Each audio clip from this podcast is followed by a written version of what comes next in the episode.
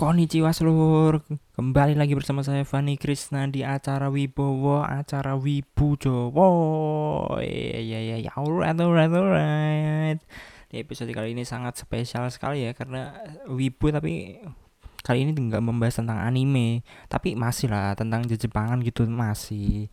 Cuman kali ini sangat spesial karena membahas tentang musik ya.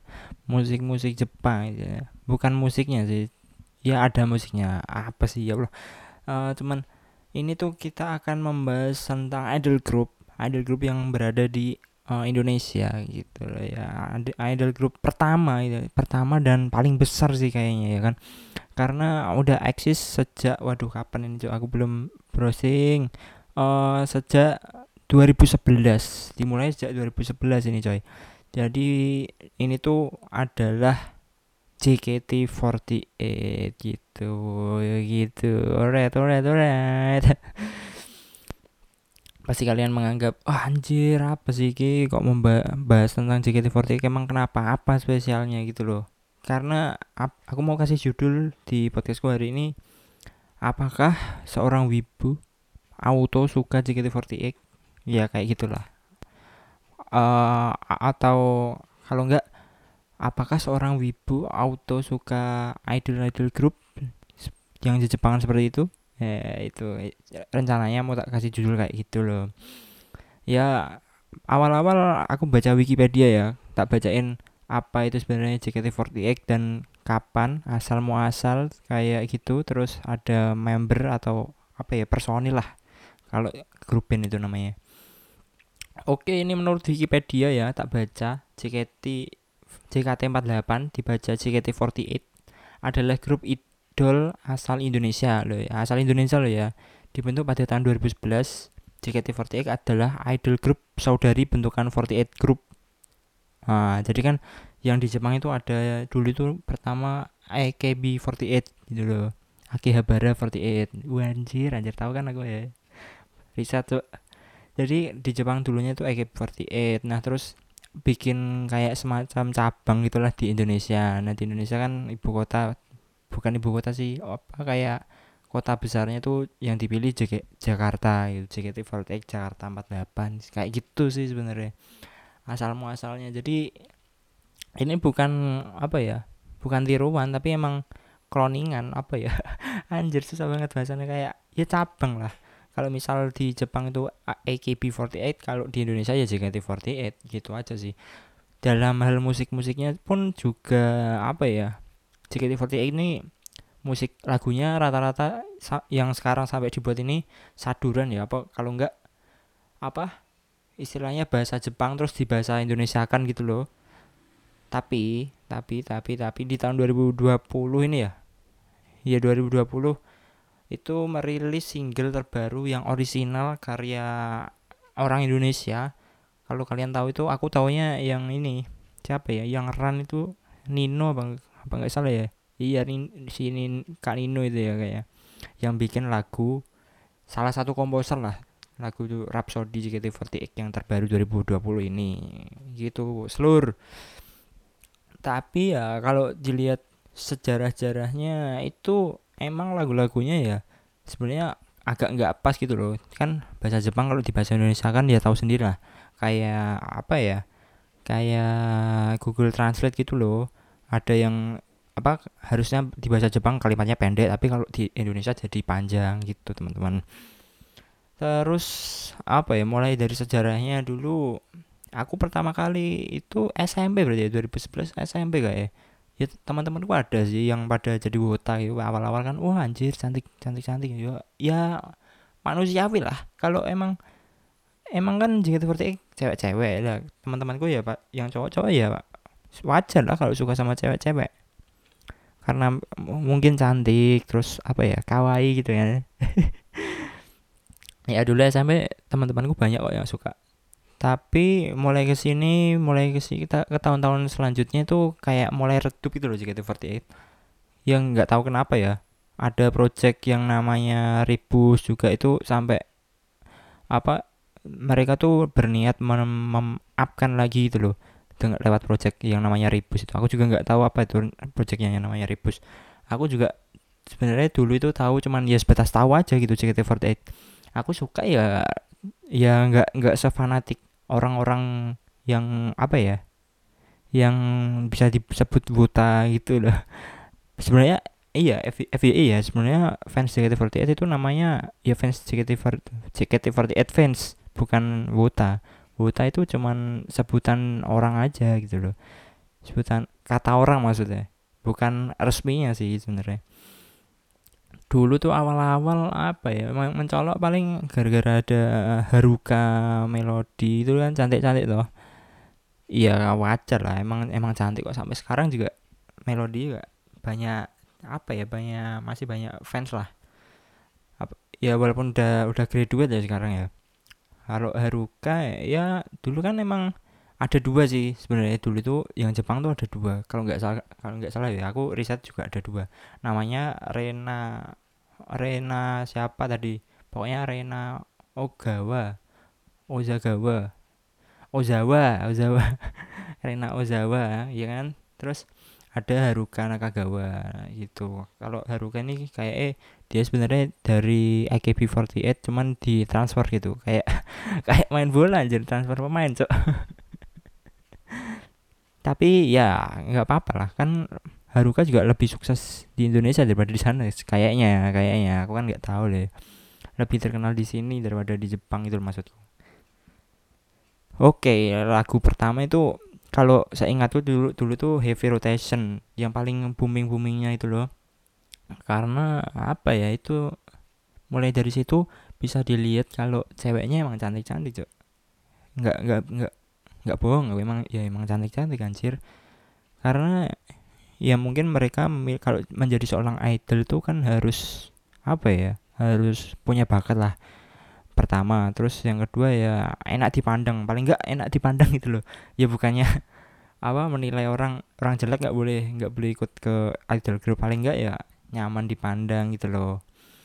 Kan mau jadi idol group istilahnya mau jadi influencer gitu loh. ya kalau JKT48 ini menurutku ya sebagai batu loncatan sih.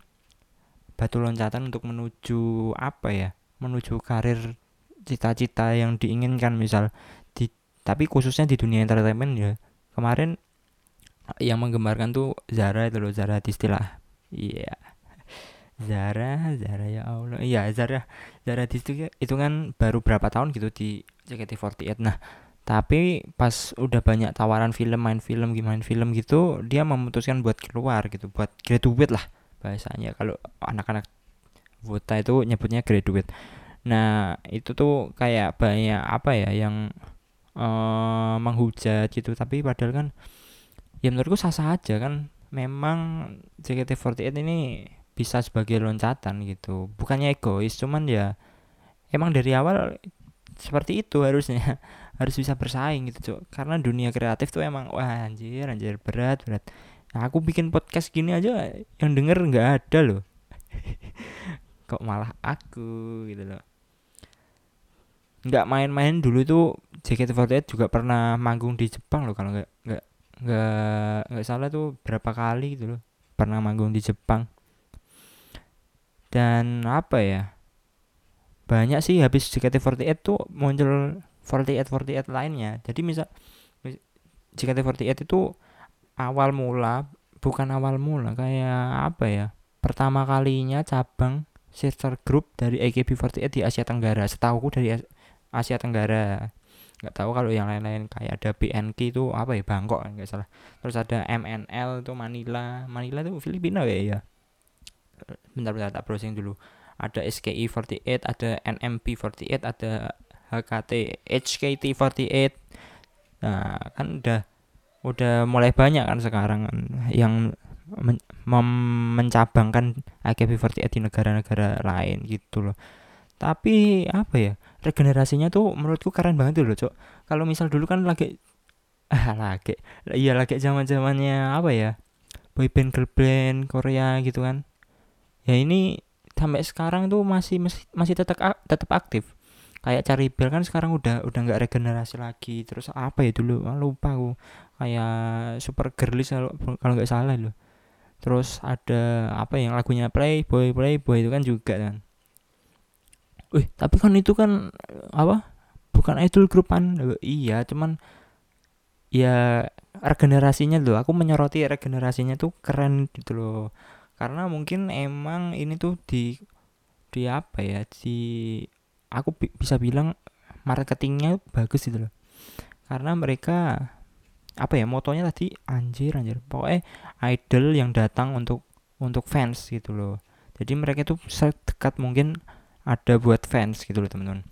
Kalau nggak salah itu ada event yang namanya handshake ya handshake. Ya handshake tuh kalian tuh salaman gitu sama member JKT48 yang kalian apa ya yang kalian pilih lah ya seadanya lah biasanya kan sold out gitu kan ya kan?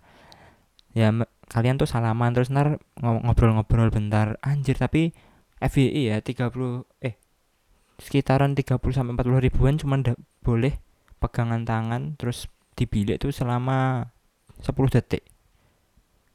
Bayangin cok 10 detik loh. Cuman 10 detik loh. Sumpah.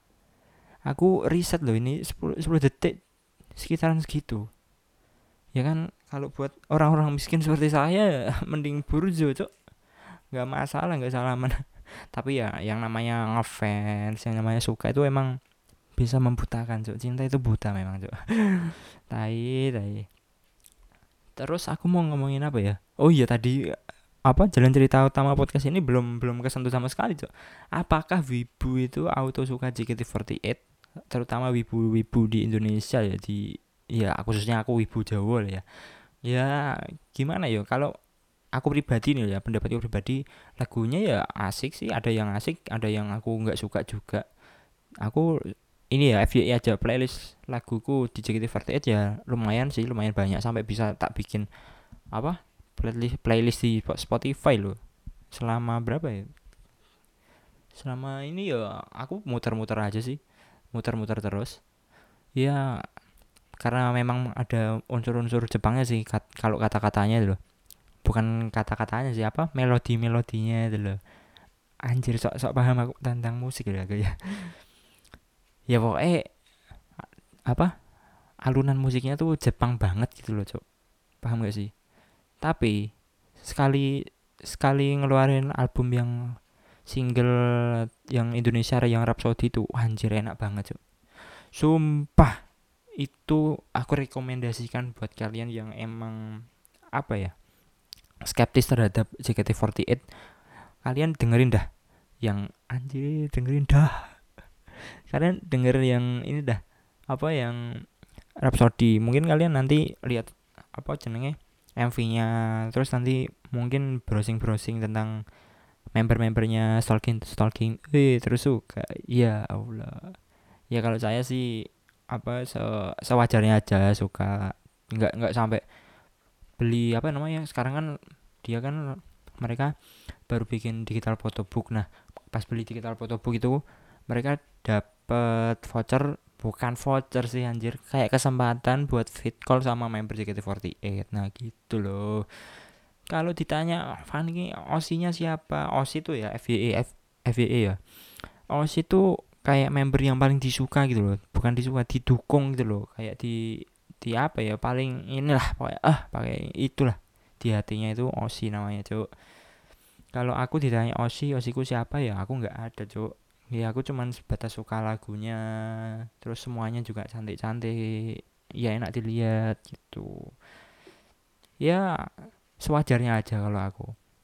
Jadi nggak serta merta wibu tuh suka sama JKT48 cok banyak kok yang nggak wibu tapi suka JKT48 tapi ya juga banyak juga yang wibu suka JKT48 gitu. Ada yang wibu sok-sokan nggak suka JKT48 tapi sukanya AKB48 padahal ya sama aja anjir. Sama aja cok cok bedanya apa coba? Cuman bahasa.